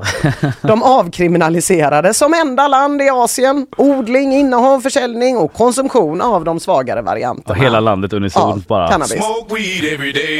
Exakt hela landet. Alltså det är så jävla konstigt. Jag, jag, tycker inte, jag tycker inte nödvändigtvis kriminali- avkriminalisering av cannabis är världens konstigaste beslut för alla länder. För vissa länder är det säkert ett ganska normalt beslut. Men det är ett svinkonstigt beslut för landet som redan har objektivt sett världens sämsta turister. Thailand. Alltså jag fattar vilken situation de var i där i juni 2022. Det har varit pandemi och det har varit pandemi för ett land som är helt och hållet beroende av turistnäringen. Jag fattar hur ni tänkte men ändå vad fan Thailand. Alltså hälsoministern då som satt Mm. 2022, han började till och med snacka om att en miljon cannabisplanter skulle delas ut för att få fart på branschen. Ja, det, det är uttalat för det. För jag tänker också att man, eh, typ så den barnfamiljsturismen kanske går åt andra hållet om det Ja. är en massa som... Kanske, bang, bang, eller bara de bang, riktigt jävla rötna barnfamiljerna. Ja. Bara de barnfamiljerna där föräldrarna tycker att det är toppen att ligga och röka pot. Ja men de medan kanske barnen är med i kommer. Men Bamseklubben. de andra mindre rötna barnfamiljerna kanske liksom inte åker till Thailand då om det är liksom helt så weedig. Jag tänker vibe. kanske att det kan vara så. Men jag kan också säga så här, man behöver inte få fart på cannabisbranschen, vill jag säga till deras dåvarande hälsominister. Om man legaliserar cannabis, då går det av sig själv. Ja. Man behöver liksom inte in med plantor för att få potheads att vara potheads. Jag undrar hur få potheads den dåvarande hälsoministern Anutin Charnivakull hade träffat. Ja. Eh, för att så här blev det istället, att på drygt ett år så har det öppnat sex tusen cannabisbutiker i Thailand. Jag läser i artikeln att de thailändska myndigheterna de tänkte sig en exklusiv och lyxig berusningssektor. Mm. Lite mer så Kalifornien. Jag tror det, men då hade de ju helt glömt vilka det är som åker till Thailand. Ja. Världens sämsta turister är det som åker till Thailand. Eh, så nu håller man på att diskutera olika åtgärder. Hur ska man göra? Det här är ju vidrigt, det är fruktansvärt, alla bara röker ner sig hela tiden. Mm. Bara för medicinskt bruk föreslår vissa. Och sen så finns det ju andra droger i Thailand också. Eh, vissa säger så här, ja men okej, nu har det blivit för mycket rötet här, vi kanske inte ska få ha riktigt så mycket metamfetamin som Nej. man får ha redan nu. Kanske att vi ska minska på det också. Och då finns det ju andra partier i parlamentet som är snabba på att säga, men turisterna då? För våra turister som älskar Thailand, är det något de älskar så är det droger Ja. och det måste vi värna om. Och då har de föreslagit att krogarna istället ska få förlängda öppettider till klockan fyra för att kunna dra dit ännu mer rötna turister. Andra säger, ja ah, okej vi kan vara öppet till fyra men då ska vi fan promilletesta alla när krogen säger världens sämsta jobb kanske. Och promilletesta fulla britter som Ja. precis har köpt sex och varit på krogen till fyra på morgonen. Behövs det? Det är ändå lite såhär, you're drunk. man kan Precis. Är du på Koh Sang Road klockan fyra på Mm. natten, you're drunk. Ja. Eh, alla partierna verkar i alla fall överens om att någonting måste hända med cannabisen. Men det här är en svängning som är rätt svår. Mm. Att ta tillbaka kakan när man redan har gett den. Eh, och dessutom, jag tänker att det handlar väl antagligen om att man, nu bara sätter jag mig in i de thailändska myndigheternas position. De kollar ut genom sina fönster. De ser att nu har vi helt plötsligt två miljoner fler australiensiska potheads Mm. som snurrar runt på Koh Sang Road med reggae-mössor, hacky sacks, fiskarbyxor Mm. och förklarar för alla och en var att No Woman No Cry inte alls är en låt om att tjejer är dåliga.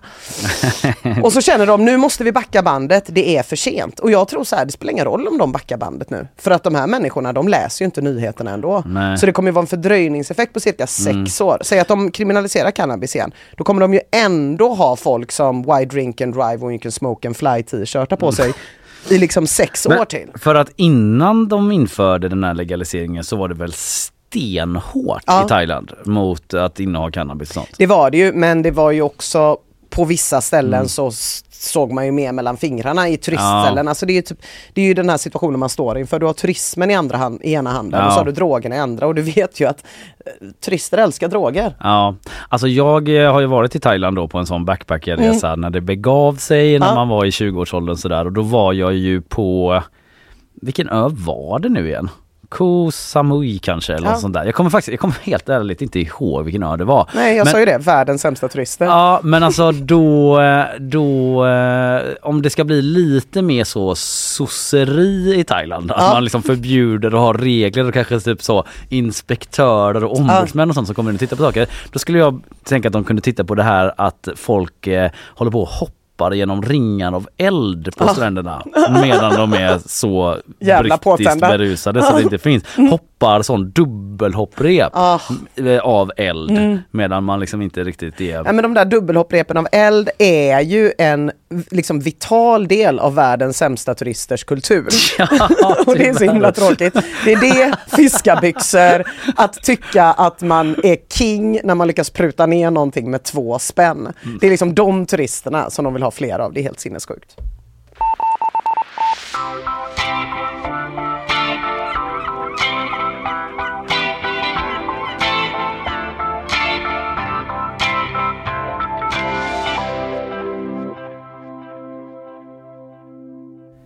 Idag Ina, 22 november, onsdag så har Napoleon-filmen premiär. Jag är taggad.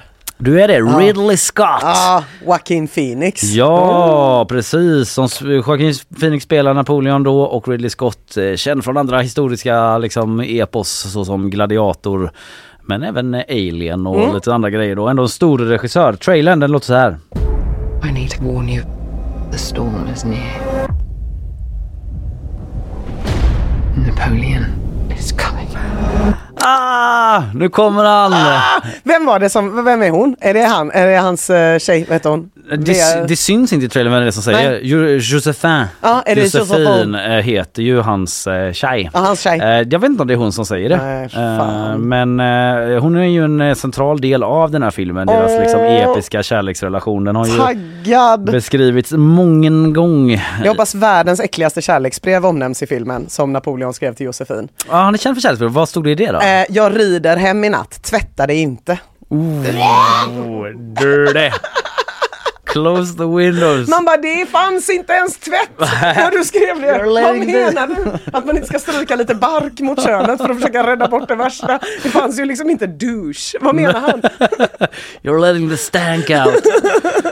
Ja, herrejävlar. Jag vet inte om det är med i filmen, men den har en tagline i alla fall som heter, som är Came from nothing, conquered everything. Ja. Och så vidare då. Eh, och eh, det är ju en historisk biopic då och eh, den handlar om en av historiens mest inflytelserika personer. 2013 så listade Time Magazine de 100 mest betydelsefulla personerna någonsin Mm. i världshistorien. På vilken plats tror du Napoleon kom? Oh, ah, fan om det inte är topp fem i alla fall. Det är det. Tvåa. Nej. Etta kom Jesus. Jaha. Jesus, sen Napoleon och sen Mohammed.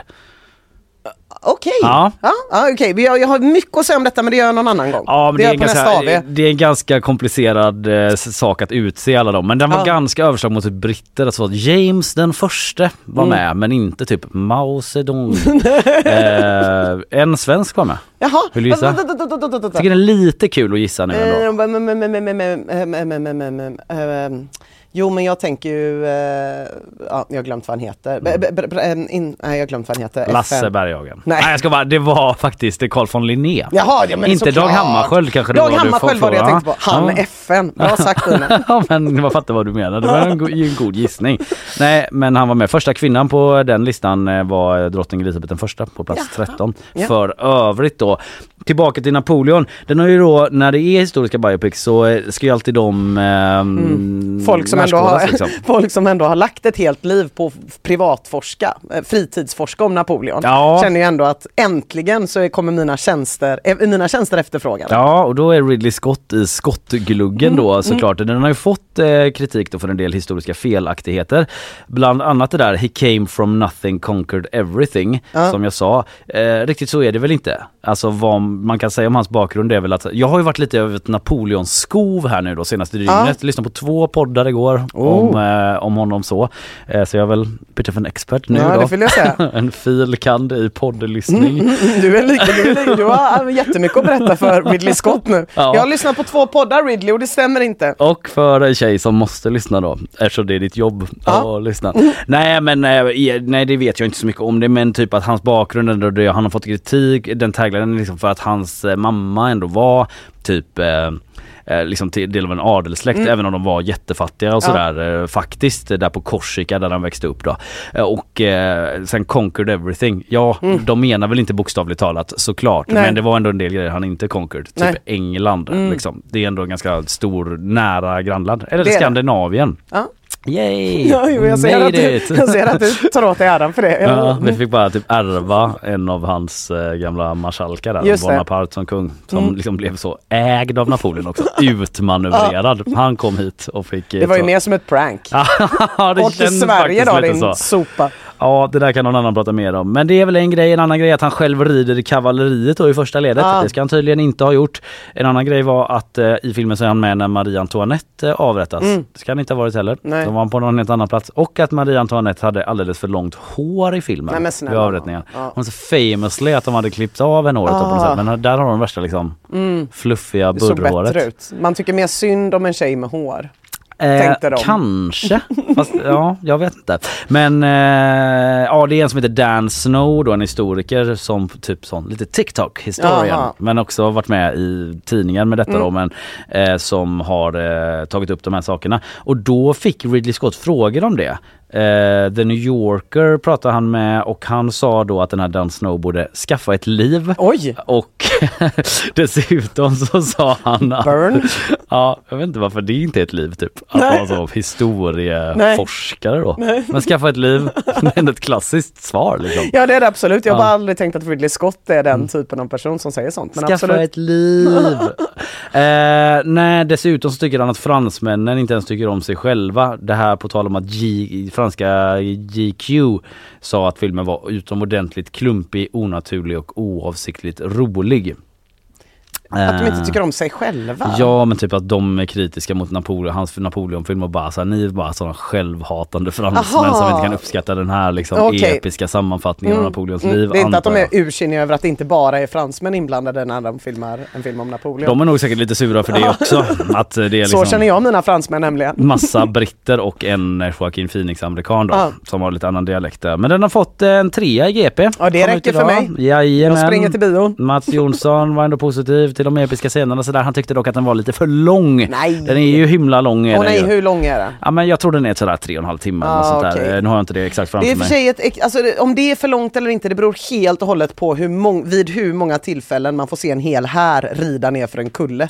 Ja. För att får man göra det tre gånger, då tycker jag att det är helt okej. Får man bara göra det två, då är tre och en halv timme för långt. Ja men vissa av de här klassiska slagen, 2 och 40 är det ungefär. Ja, men då är det okej. Då är det okej. Jag överdrev Ja. eh, vansinnigt Ja, då är när jag, gissade. helt okej med att se den. Ja, han tyckte ändå liksom att ja, det var lite väl många scener mellan Napoleon och Josefin då, Mm. mm. dra ner på. De här politiska intrigerna. Mm. Han tog över med en statskupp och så, kunnat korta ner det lite. Ah. Den har fått både en femma och en trea i The Guardian såg jag. Jaha, spännande. En eh, kille gav den en femma och en tjej gav den en trea. Jag vet inte om det säger någonting men så var det i alla fall. Mhm. Eh, Ridley Scott, eh, liksom, han har sagt typ att, eller hintat om att det finns typ en extended version som är fyra och en halv timme. Oh.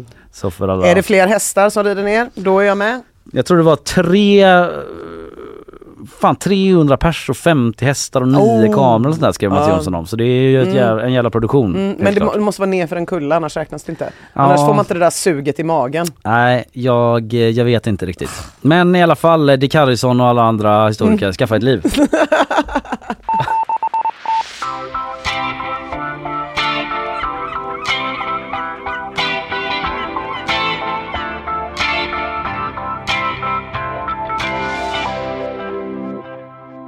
Han har också, jag ska bara säga det Ridley Scott, att han sa något sånt eh, till någon eh, reporter eller någon som var kritisk. Han, han var så här, var du där?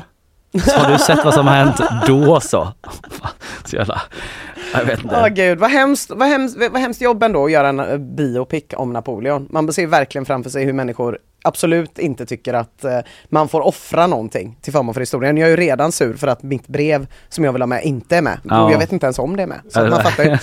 Eh, du Kalle, i natt möttes Brasilien och Argentina i en VM-kvalmatch i Rio de Janeiro. Mm, Hett. Det är ju det. Classico de la Americas kallas de här legendariska matcherna mellan Var det de på två. Maracanã eller? Maracana, ja det var det nog ja. Där har jag varit. Classico, nej. Skryt där har jag varit. Säkerut. 0-0 blev det. Men det var ett jävla drag Det var fast det, va? att typ arenan var halvfull för den är så jävla stor. Det red polisen med dragen sabel utanför och så vallade in folk när vi kom från tunnelbanan. Man bara hjälp vad är det som pågår? Ja. Men vad var det för match du såg där? ja men det var Botafogo mot eh, Flamengo. Ah, Kan alltså, ha blivit 1-0 kanske. Nej jag tror fan det blev 0-0. ah. Men Ja. det var inte Classico de las Americas. Nej det var det inte. Det var det i alla fall Nog inte. mig. 102 officiella matcher har de här två herrlandslagen spelat mot varandra sedan 1914 och inför matchen i natt då hade faktiskt Brasilien vunnit 39 av dem och Argentina 37. Det är ändå sjukt när det har Ja. spelat så jävla många att det är så jämnt. Ja verkligen. Prestigefullt, fullsatt och festligt. Innan då avspark så leder Argentina kvalgruppen som båda ligger i inför VM Mm. eh, med 12 poäng. Brasilien kämpar på lite med 9, stämning, stämning. Mm. Och innan avspark, slagsmål, slagsmål. Supportrar börjar slåss på en kortsida, då går polisen emellan. Det blir bara värre, Mm. visar det sig. F- folk börjar kasta stolar, folk slåss nu med varandra, folk slåss nu med polisen. Det här är alltså innan avspark. Spelare går in, försöker lugna ner situationen. Ja. Argentinas målvakt Emiliano, eh, Emiliano Martinez Ja. finns, eh, kan man se ett filmklipp när han sträcker sig efter en polis för att polisen inte ska använda sin batong. Är det, Argentina, är det han som eh, tog VM-bucklan och så "Åh!" Du vet så. Ja det var det va? Det var? Var det inte han som VM-bucklan. knullade Jo, det VM? var han. Jag tror det. Som nu skaffar lite goodwill Ja. genom att typ så, polis slå inte. Ja just det, fy fan vad äckligt det var. Åh nej nu fick jag det i huvudet igen. Okej. Alltså han gjorde det, så stod det så shake i bakgrunden och så hade han en sån mun som bara det. Ja, det var verkligen det smutsigaste på avslutet på det smutsigaste VMet Ja. någonsin. Åh fy fan vad äckligt. Inte Ja. så himla så, eh, jag vet inte så sharia Inte så haram. Eh, lite, lite haram Lite kan man säga. haram, ja en, ett, en gnutta haram. Mm. Eh, spelarna då försöker lugna ner situationen, det går sådär. Men situationen lugnas ner, spelarna får gå ut, vänta 15 minuter och sen blåser matchen igång. Mm. Och nu är det stämning. GPs Joakim Hulterström beskriver det så här i artikeln på gp.se. På många sätt tog spelarna över fansens roll och fortsatte bråket ute på plan. Matchen präglades till stor del av gruff, fulspel och avbrott hellre än klassfotboll. Argentina gör mål. Brasilien hamnar i underläge då. Alltså, och dessutom så får de Joel Linton som spelar i Newcastle utvisad i den 81 matchminuten efter att han, och nu citerar jag från eh, GPs artikel, från Joakims artikel på Mm. GP igen, utdelat ett slag mot Argentinas Rodrigo de Paul då. Mhm. I 81 minuten när man ligger under, då är det stämning och Ja. känslor. Så Argentina verkar fortsätta toppa sin kvalgrupp. Brasilien ligger strax ovanför playoffs strecket är ju inte färdigt än på långa Det är så vägar. lätt att gå vidare därifrån också. Alla utom två går ju typ vidare till Ja exakt, exakt. Det har ju liksom aldrig varit några konstigheter med det. Men nu står det i alla fall i Clásico de las Americas 38-39, fortfarande fördel Brasilien där då. Ja, snyggt. Mm. Jag, bara, jag var även på eh, eh, match i Argentina. Det här var när vi reste till Sydamerika för länge sedan eh, på Boca Juniors. Mm. Eh, och bara för att även det, det var så här, Boca Juniors då som är ett bra lag i Argentina mötte de som låg sist i serien. Så här, det var en ganska, det var en helt vanlig match Ja. liksom i argentinska högsta ligan. Men där, dels var det när matchen började att spelartunneln där spelarna gick in, den ledde liksom hela vägen in till mittcirkeln för folk bara kastade, vet, de kunde inte gå i det fria vid eh, ingången. utan typ. det handlade bara om hur långt folk kunde kasta. Exakt så här, hit når de fan inte typ. Här kan ni gå ut och ställa er. Och det andra som hände så jag minns på att vi var där, då åkte man med- med en guide som var med då, Mm. och så här, det behöver man inte göra men det var typ ändå lite rekommenderat för det var ganska rough typ. Så. Vi gjorde det i alla fall skitsamma. Och då stod vi på en läktare och då började det rinna ner så här, någon vätska från Mm. läktaren över. Man bara vad är det? Typ. Och han bara it's uh, guiden bara it's uh, piss. They piss in the cup and they uh, att folk ska gå och pissa i glas och bara hällde ner. Att man bara okej, thanks friend. 1-0 blev det den matchen. Ingen jättefotbollsfest det heller.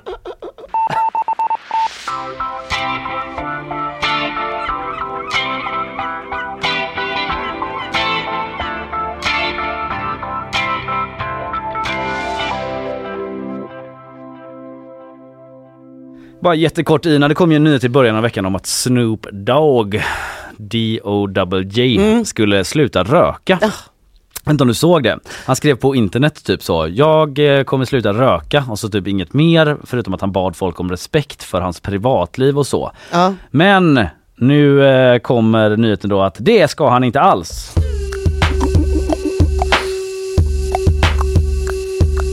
Pet. Snopet. Ja, han ska inte det. Han Nej. kommer fortsätta. Smoke weed every Ja, day smoke alltså. weed every day. Ja. Och varför då? Varför sa han det här överhuvudtaget då? Jo, det var för att han gjorde ett, pota- ett betalt samarbete med en rökfri spis. Thug life! Eller vad säger du Ina? Åh gud! De glasögonen åker sakta ner. Ja, jag vet, jag vet, jag vet. Jag, jag, jag, någonstans så, jag saknar gin and juice. Jag vill tillbaka. Jag vill tillbaka i tiden kände jag nu. Kanske många som känner det i det här Mm. läget då. Det var ett PR-trick helt enkelt för han håller på att sälja någon typ av liksom, ja, spis Ja. eller typ så, jag vet inte, kakelugn, alltså något som inte ryker i alla fall. Ja. Så han kommer fortsätta röka på. Eh, rest assured. Eh, idag Ina så har det som vanligt varit en hel del på tapeten. Du var ju mer aktuell än vi någonsin har varit nästan. Mer aktuell än någonsin. eh, Sam Altman-turen verkar avslutad för den här gången på OpenAI, världens stora AI-företag. Han fick sparken och nu under sändning så kom han tillbaka. Varför han fick sparken är vi nog många som vill veta däremot. Mm. Eftersom att han ju har en bunker och verkar driva på AI-utvecklingen väldigt fort. Fråga ChatGPT. Varför fick han sparken? Jo, den artikeln finns redan, det lovar jag. Antagligen. Jag pratade också om eh, Ulf Kristerssons eh, AV på Pustervik igår Ja. som eh, avbröts av eh, demonstranter och folk som ropade shame. Ja.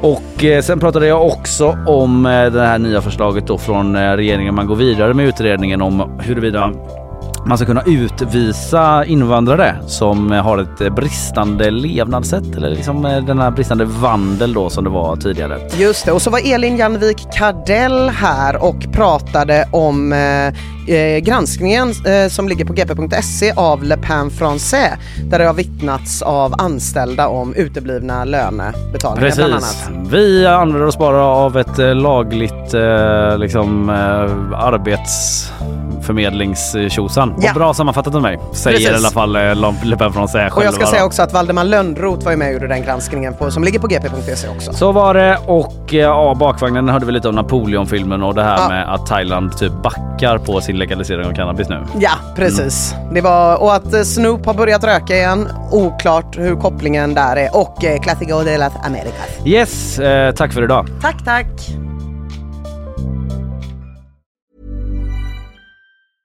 Planning for your next trip? Elevate your travel style with Quince. Quince has all the jet setting essentials you'll want for your next getaway, like European linen, premium luggage options, buttery soft Italian leather bags, and so much more. And is all priced at 50 to 80% less than similar brands. Plus, Quince only works with factories that use safe and ethical manufacturing practices.